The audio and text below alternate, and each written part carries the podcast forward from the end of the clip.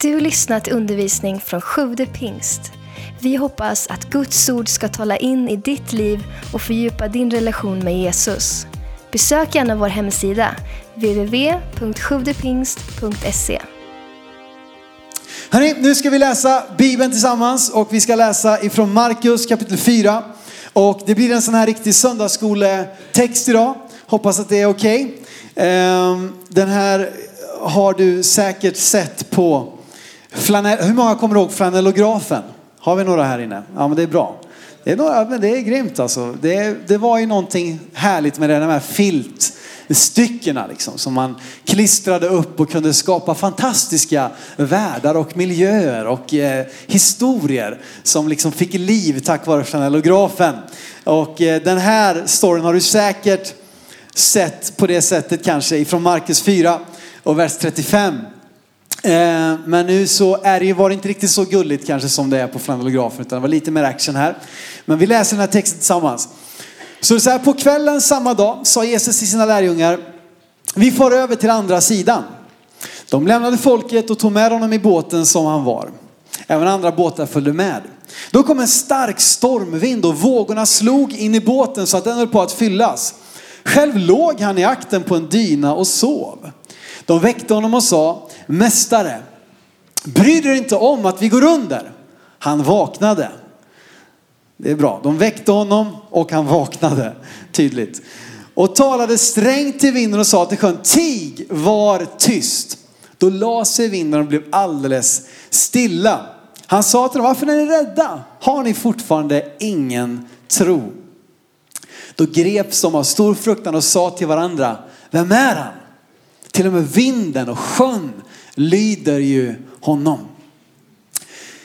Stormar kommer genom våra liv och det jag vill tala till dig om idag är att komma igenom stormen. Eh, och jag vet inte alls, som, som liksom född på, på Västgötaslätten så kan det vara lite svårt kanske relaterat till det här med att det ska bli, eh, att det ska bli liksom storm på, på öppet hav och det enda vi har sett kanske det är när något träd välter och så. Man kan alltid stänga in sig i sitt hus och liksom krypa in, tända en brasa och ha lite mysigt. Men nu måste vi liksom visualisera det här att vi är ute på, på, på liksom eh, öppet hav eh, och så blåser det upp till storm och vi har ingenting annat att skydda oss med än den här liksom båten som vi, som vi sitter i. Och Grejen är att genom våra liv så kommer det förr eller senare sådana här typer av stormar. Inte nödvändigtvis stormar där vi kan bara sitta säkert i en skyddad plats i ett varmt och mysigt rum utan där vi kanske är mitt ute på öppet hav och där vi känner att det slår emot oss och vinden viner och regnet det piskar och vågorna slår. Och säkert att du kan se tillfällen i ditt liv där du har haft olika typer av stormar.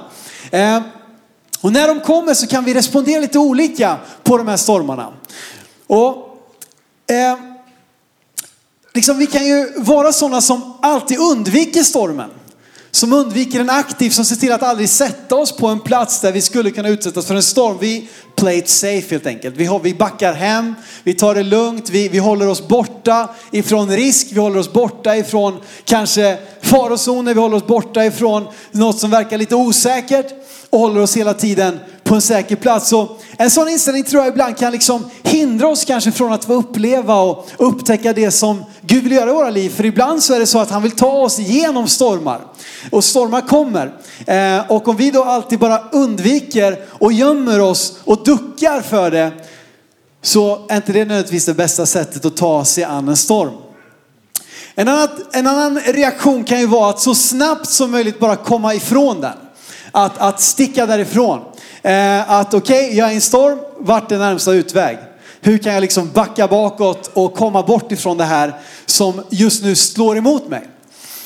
En tredje eh, inställning kan ju vara att förneka att stormen äger rum. Att liksom låtsas som att ingenting händer. Vissa kristna är sådana här. Alltså man, man bara liksom blundar för den verklighet som finns omkring oss. Eh, Okej, okay, det blåser, det stormar, det slår och vi kan vara så här, nej men nej, jag, jag, jag bara ignorerar det, jag förnekar det. Eh, och låtsas som att inget händer, lite som strutsen som stoppar ner huvudet i marken och liksom hoppas att, att ingen ska, liksom att, att det ska blåsa över på något sätt. Olika typer av gensvar på stormar, men jag tycker att den här storyn, en del jagar efter stormar. Vi har ju Marcus här idag, Andersson, som, som är sån här storm, storm chaser, det lät häftigare på engelska. Så att när det börjar blåsa och han ser liksom SMH, SMH ge stormvarningar, då slänger han med sig kameran och så sätter han sig i bilen och så kör han liksom för att komma så nära. En del kanske söker stormar, det kanske inte heller är det bästa Marcus. Förlåt att jag gör ett litet exempel här, men jag tror att han kan leva med det. Eh, vi kan liksom hantera stormar på olika sätt. Men den här texten tycks, tycker jag visar på en annan liksom, sätt att, att, att ta en storm. Nämligen att inte liksom till varje pris undvika storm. Inte att bara fly ifrån den. Inte att förneka att den finns där. Utan att helt enkelt ta sig igenom stormen och kanske till och med omfamna stormen. Att se att den här stormen kan lära mig någonting. Den här stormen kan hjälpa mig på något sätt. Eh, och eh, kanske finns det en anledning till att jag har den här stormen i mitt liv just nu. Kanske är det så att Gud vill att du ska ta dig till andra sidan. Och vägen till den andra sidan är igenom stormen. Du kommer inte kunna komma dit om du inte ger dig ut på lite osäkert vatten och riskerar en storm. Eh, och jag tycker att det är någonting som den här texten lär, lär oss det här. Och när du nästa gång hamnar i en storm, kanske du befinner dig i en storm just nu och har kommit hit för att liksom, du vet inte vad du ska göra, hur du ska hantera det, vad du ska ta dig till. Eh, och kanske att bara fråga Gud, det kanske finns en anledning till att jag är här. Gud, vad, liksom, vill du göra någonting genom den här tiden? Vill du ta mig? Har du ett syfte med den här stormen? Har du en, en tanke med det som jag nu går igenom? Vad är det som väntar på andra sidan? Och som sagt, att vi inte bara duckar för stormen, eh, utan rent av omfamnar den. Rent av välkomnar den kanske. Inte som att vi nödvändigtvis ska söka storm och allt vad det är till varje pris. Men att vi kan omfamna den och inte liksom backa undan och säger istället Gud, vi ska ta oss till den andra sidan. Och nu så ska jag ge dig 12 stycken anledningar till varför Gud kanske tillåter dig att gå igenom en storm. Och, och, och för er nu som har haft svårt att koncentrera er på vad jag säger för att ni liksom sitter och tittar på min tröja här. Vad, vad står det egentligen på den här tröjan? Jag ser det är en del av er som har tittat en del. Och jag kan säga att det enda det står det är Let's go. Överallt här. Let's go, let's go, let's go. Det kanske passar min personlighet. Jag gillar när, det, när, vi, när vi går någonstans, när det händer någonting. Och let's go through the storm nu, okej? Okay? Här finns ett D. Jag har ingen aning om varför det är ett D där. Det är det enda D. Annars är det bara let's go, let's go, let's do it. Exakt, just do it var det någon som sa. Eh, ja. Så so let's go through the storm, okej? Okay? Alltså det här, det blir inga storm, storm eh, uh, go throughers, chasers, throw them away storms, så vidare. Ska vi go through the storm? Ja, men det är bra. Och ni på läktaren också? Nej. Ni har liksom, har ni pluggat in energy eller någonting där uppe? Jag vet inte. Ja, nu ska vi ta oss igenom stormen i alla fall, så let's go. Okej, nummer ett. Stormen hjälper dig att lätta på vikten. Eh, du vet att när stormen kommer så är det så att man kan ganska snabbt bli lite nervös för att det kan vara så att den här stormen kommer sänka oss. Och vad gör man då? Jo, man slänger över bord allting som är oviktigt. Eh, på Jonas tid då var det han som blev slängd över bordet. Det var väl inte så kul kanske. Men eh, när man läser storyn om Paulus som gick igenom en storm i Apostlagärningarna 28 Eh, så är Paulus med om ett skeppsbrott. Och vad gör man då? Jo, man börjar slänga över bord allting som inte är livsviktigt, allting som inte liksom har något större syfte. Det börjar man göra sig av med och man kastar bort det. Och jag tror ibland när vi går igenom stormar så kan det hjälpa oss att, att faktiskt eh, liksom inse vad som är viktigt och vad som inte är viktigt. Det kan hjälpa oss att prioritera och se att vi bär på en massa extra vikt i våra liv. Saker som har fått börja ta plats, saker som har fått börja tynga ner, men som egentligen inte ens är viktigt för mig. Eh, men då vill, kan stormen hjälpa dig att lätta på vikten, att slänga över bord, att rensa lite grann i ditt liv. Och det är faktiskt ganska häpnadsväckande hur mycket vi kan klara oss utan. Vi lever i en del av världen där många av oss har möjligheten att skaffa oss allt vad vi vill. Och det är helt otroligt hur snabbt man kan liksom fylla ett hus med, med prylar och liksom förråden svämmar över och garderoberna liksom är överfulla och så vidare. Så mycket grejer som vi bär med oss som, som vi sätter ett stort värde på. Men när stormen kommer så kan det hjälpa oss att faktiskt inse, hej, det här är oviktigt. Det här vill jag rensa bort, det här vill jag slänga ut ur mitt liv faktiskt för att göra plats för det som verkligen är viktigt och för att få liksom ta mig dit jag behöver komma. Nummer två som stormen gör, det är att stormen, den rensar däcket. Visst är det så? Allting som inte är fastsurrat, allting som inte liksom har, eh, är under däcket, det kommer att sköljas bort. Det kommer att liksom kastas ut i havet. Och så där kan det vara, alltså när jag är i stormen så blir det ofta ganska lätt att omvända sig, att rena sig, att be Gud om förlåtelse. Eh, och det kan vara någonting tacksamt med stormen, att helt plötsligt så blir vi väldigt beroende av Gud. Helt plötsligt så, så, så, är vi beredda att liksom vända oss bort ifrån det där som vi har kompromissat med och vi, vi är villiga att omvända oss från det som har fört oss bort ifrån Gud och vi är villiga att, att satsa lite mer på honom och rensa i våra liv eh, och få kliva in liksom i, i, i den nåd och i den förlåtelse som Gud har för oss. Vi blir villiga att liksom omvända oss helt enkelt. Och konstigt nog så kan det vara så att den absolut tryggaste platsen för mig att vara är i stormens öga tillsammans med Jesus. Och där så kan jag då få eh, hjälpen att omvända mig, att rensa bort det som inte längre ska ha en plats i mitt liv. Tredje saken som stormen gör, det är att stormen avslöjar svaga punkter. Eh, när du eh, utsätts för en storm så kommer det att märkas om du har liksom fuskat med, jag vet inte vad, jag, jag är inte så bra på båtar egentligen så att jag kan inte liksom, fenissam, är det något som vi kan jobba med? Det är fel. Om du, liksom, om du har gjort en, en, en, en fuskknop det var ingen råbandsknop där inte, utan det var liksom någon, någon slags fuskgrej. Det kommer märkas var det finns svaga punkter. Vart det liksom eh, droppar in, vart det liksom eh, inte, inte är tillräckligt stabilt. Om, om, om masten liksom är svag så kommer det kunna hjälpa oss att inse, okej okay, här behöver vi göra en bättring. Här behövs en förändring. Här behöver jag faktiskt eh, eh liksom göra, eh, få lite ordning i mitt liv. Och jag har märkt det att när stormar kommer så är det så tydligt det här att det syns, oj, det här är inte liksom moget för att ta sig an kanske de utmaningar som vi behöver i våra liv. Och då kan det vara så nyttigt för oss att visa, här behöver vi reparera. Här behöver vi tänka om. Här behöver vi fixa det här. Och då inte bara tänka att, att det var ett misslyckande, utan hade vi aldrig gett oss in i stormen så kanske det aldrig ens hade märkts att någonting inte var riktigt så bra som det hade behövt vara. Det är ju väldigt liksom, tryggt, det, är svårt att peka på några fel och brister om man bara liksom är i en tryggad hamn så att säga. Om man sitter där det är säkert och det är lugnt. Och när vi kastar oss in liksom i det okända, när vi är beredda att gå dit ingen har gått, när vi är beredda att ge oss över till den andra sidan även om det innebär en storm på vägen, så kommer saker att avslöjas som inte riktigt är så bra som de borde vara. Men tack och lov så kan det liksom hjälpa oss då. Ja, men vi kan fixa det här. Vi kan, nästa gång vi kommer till hamnen så kan vi ordna det här. Vi kan surra upp fast det här. Vi kan spika lite och hamra lite och, och vad vet jag, fylla på lite bensin och jag vet inte vad det är för slags båt jag målar upp här egentligen. Skaffa nya åre kanske. Någonting bra. Större roder, det måste vara bra.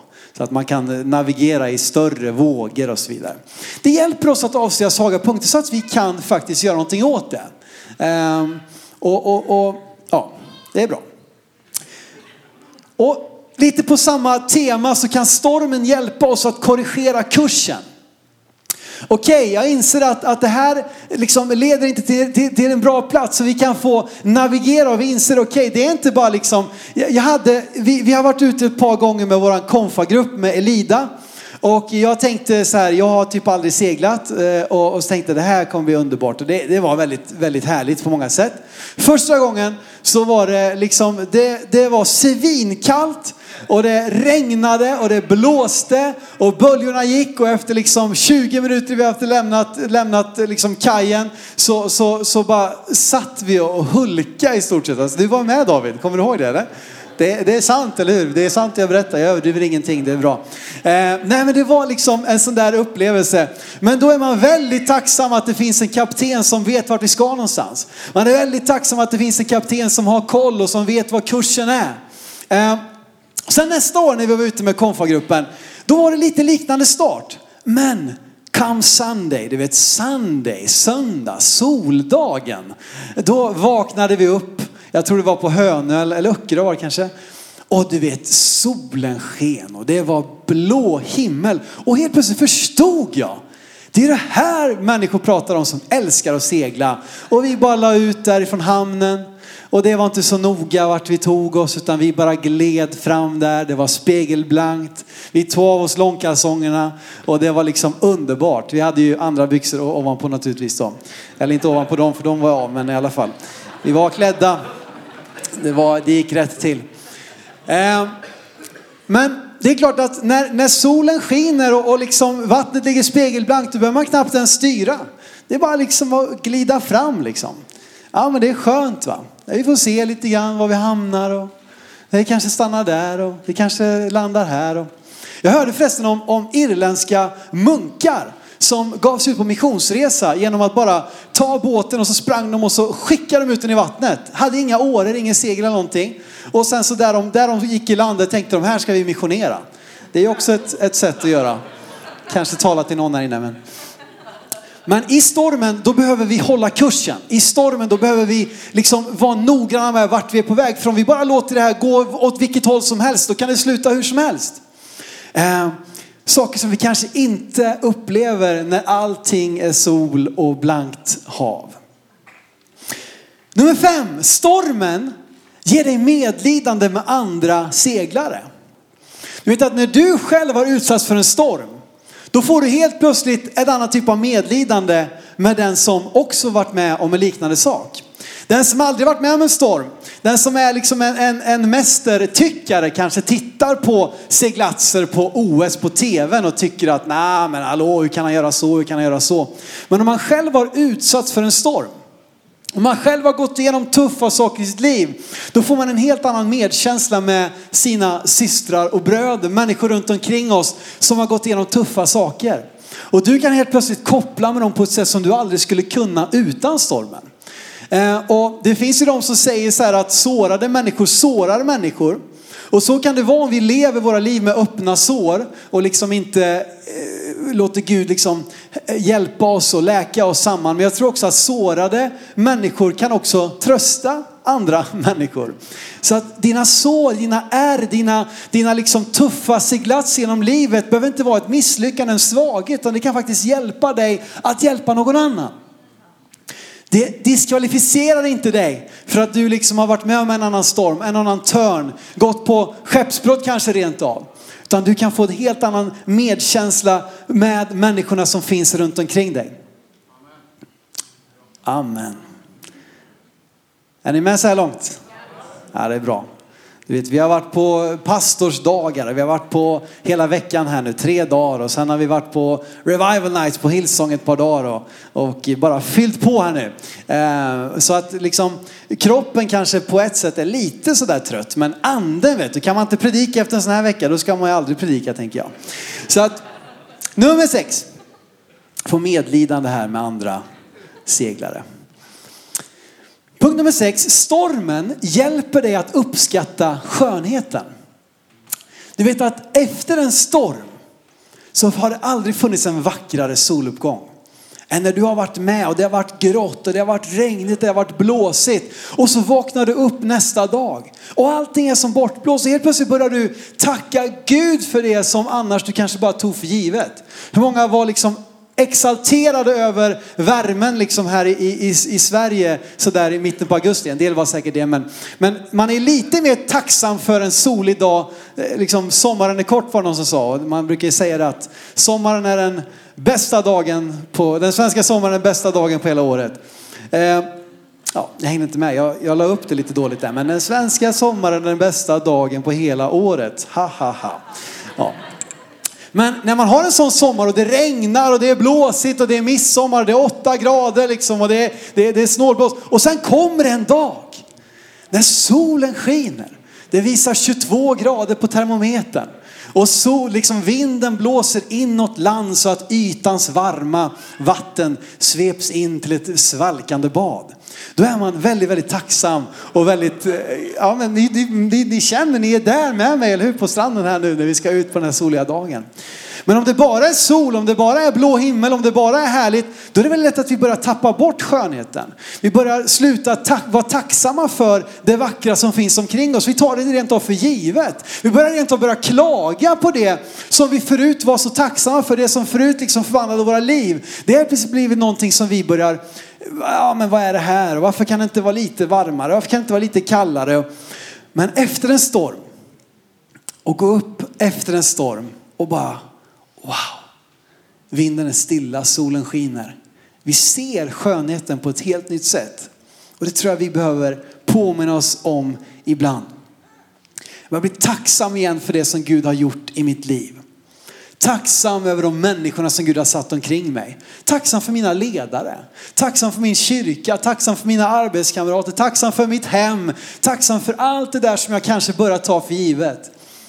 Och stormen det hjälper dig att uppskatta skönheten i ditt liv. Punkt nummer sju. Oj, oj, sjunde punkten måste vara extra bra för det är något slags bibliskt med det. Men punkt nummer sju. Stormen ökar ditt förtroende för kaptenen. Du vet att ha gått igenom en, en, storm och som sagt min, min då väldigt begränsade seglarförmåga men att då få veta att där står liksom skeppare eh, eh Stefan heter han va? Eh, och han stod där och hade liksom en fast kurs. Jag blir väldigt, väldigt tacksam över att det finns en kapten som har koll. När jag ligger och nästan spyr över relingen här liksom, så blir jag väldigt tacksam för kaptenen. Jag får ett större förtroende för kaptenen. Eh, och så är det också med ditt och mitt liv. Att när vi går igenom stormar och vi tar oss igenom dem, så kommer vårt förtroende för Gud som ju är våra livskapten förhoppningsvis att öka. Vi kommer tacka Gud, den där kaptenen, förde oss igenom stormen. Den där kaptenen höll en säker kurs när vi andra liksom inte visste vad vi skulle göra. Eh, och det kommer växa din kärlek, en ny kärlek till kaptenen. Eh, och lärjungarna vet du, de hade en annan fråga efter stormen. De blev förundrade, vem är han? Vem är den här mannen? Till och med vindarna lyder honom. Du vet det väcktes en förundran för att de hade kommit igenom stormen tack vare kaptenen som i det här fallet till och med var så chill att han låg och sov. Men det ger dig ett nytt förtroende för kaptenen. Han har kontroll, du vet Jesus han har kontroll i ditt liv. Och han jagar inte upp sig för minsta lilla storm. Och. Han, vi kanske skulle göra som Jesus ibland när det, när det stormar och ta en liten tupplur. Jag känner jag kopplar, Dan han kopplar väldigt starkt med det här framför första bänken just nu. Han bara, amen, låt oss göra det nu med en gång. Fem minuter, gubbkvart, nej då är min predikan över. Det blir för länge. Att bara få lita på Jesus, att få ett ökat förtroende. Vi har tag, han har tagit mig igenom det här. Han har tagit mig igenom det där och kanske att du borde stanna upp ibland och bara tänka tillbaka på ditt liv. Saker som Gud har gjort och du kommer inse att det är så mycket mer än vad vi, och saker som vi kanske nästan har glömt bort. Men bara tack Jesus, du tog mig igenom den där tiden.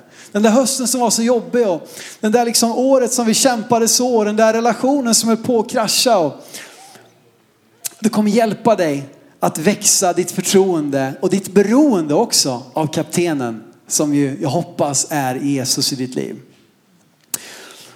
Något annat som stormen hjälper oss med, det är att det påminner oss om att skeppet bara är temporärt.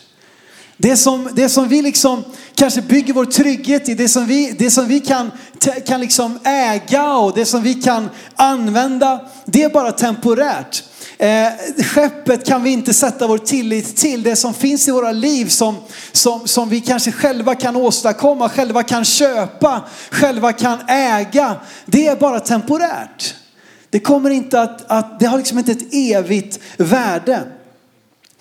Och det här betyder inte att det är oviktigt för det. Att allting som finns runt omkring oss i våra liv, det som liksom är vårt livsskepp så att säga. Det, det, betyder inte att det är oviktigt, men vi måste påminna oss om vad som är evigt och vad som är bara temporärt. Vad som är det viktiga och vad som är någonting som är förgängligt. Skeppet kan faktiskt gå i tusen bitar, men även då så kan Gud ta oss igenom stormen. Och vi ser det så tydligt i Paulus liv, i hans skeppsbrott, där skeppet faktiskt gick, gick i, i tusen bitar för att de inte lydde Paulus råd att inte ge sig ut på den där resan. Men även då så kunde Gud rädda dem och inte en enda missa sitt liv i det skeppsbrottet. Därför att Gud var med dem. Och ibland kanske det är så att, att du får liksom en, en materiell förlust genom stormen. Men du får någonting som är mycket mer värt. Du får någonting som är mycket mer dyrbart. Eviga värden. Du får en djupare relation med Jesus. Eh, och, och, och du kan ta dig vidare till nästa. Stormen påminner dig om att skeppet bara är temporärt. Vi måste förstå vad som är för en tid och vad som är evigt. Och inte fastna i det yttre, inte fastna i en viss form, i ett, liksom ett, ett, en viss, vad vet jag, vad vi nu kan sätta vår identitet till. Jag förstår att det är bara temporärt. Punkt nummer nio. Stormen går ibland inte att förstå. Och så är det. Det finns stormar i våra liv som vi kan inte förstå dem. Vad är grejen? Vad är poängen? Jag ser ingen poäng med den här stormen. Jag har en massa varför men inga därför. Jag har en massa frågetecken men inga svar. Och så är det också. Det finns saker i våra liv som vi inte kan ge svar på, som vi inte kan förstå. Eh, och, men grejen är den att när orden, när förståndet tar slut, då steppar tron in. När vi inte längre kan kontrollera, när vi inte längre kan begripa, när vi inte längre kan förklara, så tar tron över. Vi blir beroende av tron. Vi blir beroende av att kasta oss på Gud. Vi förstår inte varför saker och ting sker, men vi litar på att han har kontrollen. Han är våran själs herde och vårdare. Han är liksom våran herre, vår herde. Eh, och i tillfällen när vi inte vet vad vi ska tro och vad vi ska göra, då kan det vara bra att påminna sig om vad vi faktiskt vet. Vad vet jag om Gud? Jag vet att han är en god Gud. Jag vet att Guds ord består för evigt. Jag vet att Jesus är hela världens hopp. Jesus är min frälsare. Jag vet att ett evigt liv väntar för mig som har satt min tro på Jesus. Jag vet att jag som har satt min tro till Gud har blivit intagen som ett barn i Guds familj. Jag vet att Gud är god. Jag vet att han är med mig. Jag vet att Jesus har sagt, jag är med er alla dagar in till tidens slut. Även den dagen som jag inte begriper. Alla slags dagar, stormiga dagar, konstiga dagar, tråkiga dagar, roliga dagar. Så har Jesus sagt, jag är med er alla dagar in till tidens slut. Så när du finner dig själv på en plats när du inte förstår varför, så påminn dig om vad du vet. Påminn dig om vad Gud har sagt. Påminn dig om den där förra stormen som han tog dig igenom.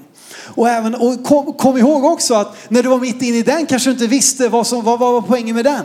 Men nu kan du se det i efterhand och lita på att Gud som, som tog mig igenom den ska göra det också genom det här. Lita på att Gud som har påbörjat ett gott verk i våra liv också ska fullborda det in till Kristi Jesu dag. Påminn dig om vad du vet när du inte vet vad du ska tänka eller veta. Punkt nummer 10. Stormen går ibland inte att förstå. Och du som tycker att ska han hinna igenom 12 punkter, här, det här kommer bli en lång predikan. Men punkt nummer 11 är att stormen går ibland inte att förstå. Punkt nummer 12 är att stormen går ibland inte att förstå. Så fick du med dig de sista punkterna också där. Men det är så. Och det kan vi behöva liksom bara landa i. Att det är helt okej. Okay. Men påminn dig då om vad du vet. Vet du vad? Gud tillåter dig ibland att gå igenom stormar. Varför då? För att leva resten av livet safe.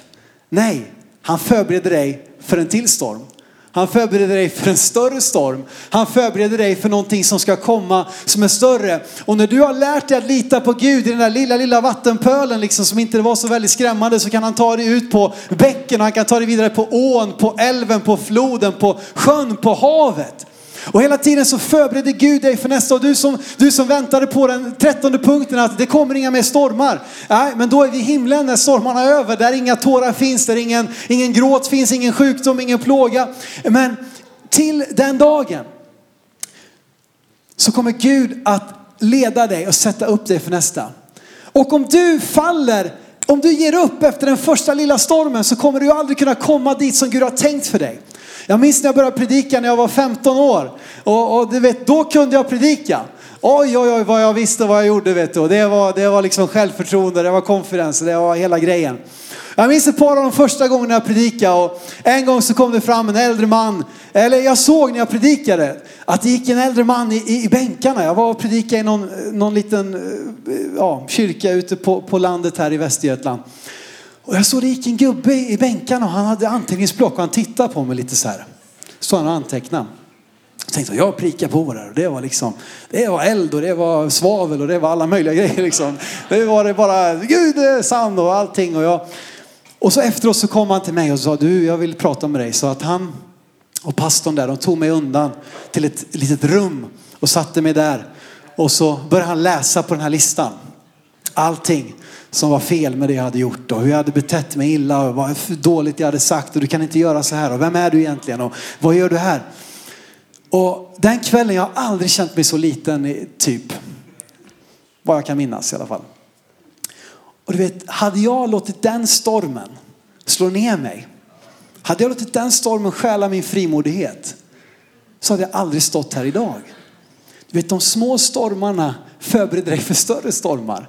För att ta dig till en annan strand, för att ta dig till en ny plats, för att ta dig till andra sidan där Gud vill ha dig. Jesus, jag är övertygad om att han visste att det väntade en storm den natten. Ändå så var han beredd att göra det. Och jag inser också i efterhand att mycket av det han sa på den här listan, det stämde nog. Ganska mycket av det. Även om frambärandet av kritiken kan man absolut ha en del att säga om. Men hade jag låtit det slå ner mig där i början av min liksom predikotjänst så hade jag aldrig stått här idag. Bli inte missmodig och ge upp efter de första stormarna i ditt liv. Utan låt det sätta upp dig för nästa storm. Du vet att ett skepp kan vara säkert i hamnen. Men det är inte det som ett skepp är till för. Eller hur? Du kan spendera hela ditt liv och play it safe. Håll dig borta från stormen. Undvik dem till varje pris. Men då kommer du inte uppleva och upptäcka det som Gud har tänkt för dig. De stora planerna han har för dig. För det är de människorna som du ska nå. Du vet det finns någonting på andra sidan. Där på andra sidan stormen, där väntar purpose. Och varför har du valt ett engelskt ord? För det låter så sjukt mycket häftigare än det svenska. Alltså purpose. På andra sidan stormen väntar syfte. Ja, kul. Purpose. Känner ni det? Purpose finns där. Det finns ett syfte. Där på andra sidan väntar någonting större. Där på andra sidan väntar en människa som behöver att du tar dig igenom stormen. Där på andra sidan finns det någonting som, som väntar dig, som Gud har förberett för dig. Därför att det var Jesus som sa, låt oss åka över på den andra sidan. Där hade de ett uppdrag, där hade de en uppgift och vi ska läsa om det bara de första tre verserna i Markus 5. Där stormen har varit över, de har passerat, vinden har lagt sig och de kommer till andra sidan det står så här. Så kom de över till Gerasenernas område på andra sidan sjön. När Jesus steg ur båten kom en man emot honom från gravarna. Han hade en oren ande och bodde bland gravarna. Ingen kunde binda honom längre, inte ens med kedjor. Sen fortsätter storyn om den här mannen. Och det visar sig när vi läser vidare att den mannen var hela syftet för den här stormen, hela den här resan. Det var att den mannen skulle bli fri.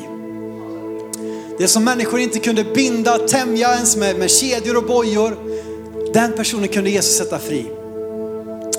Och sen står det till och med att resten av folket, de vill inte ha dem där så de skickar dem tillbaka och de åker tillbaka. Men det var det pris som Jesus var beredd att betala för att en enda besatt man, en enda galenpanna som ingen ens ville bry sig om, som ingen ville ta i med tång.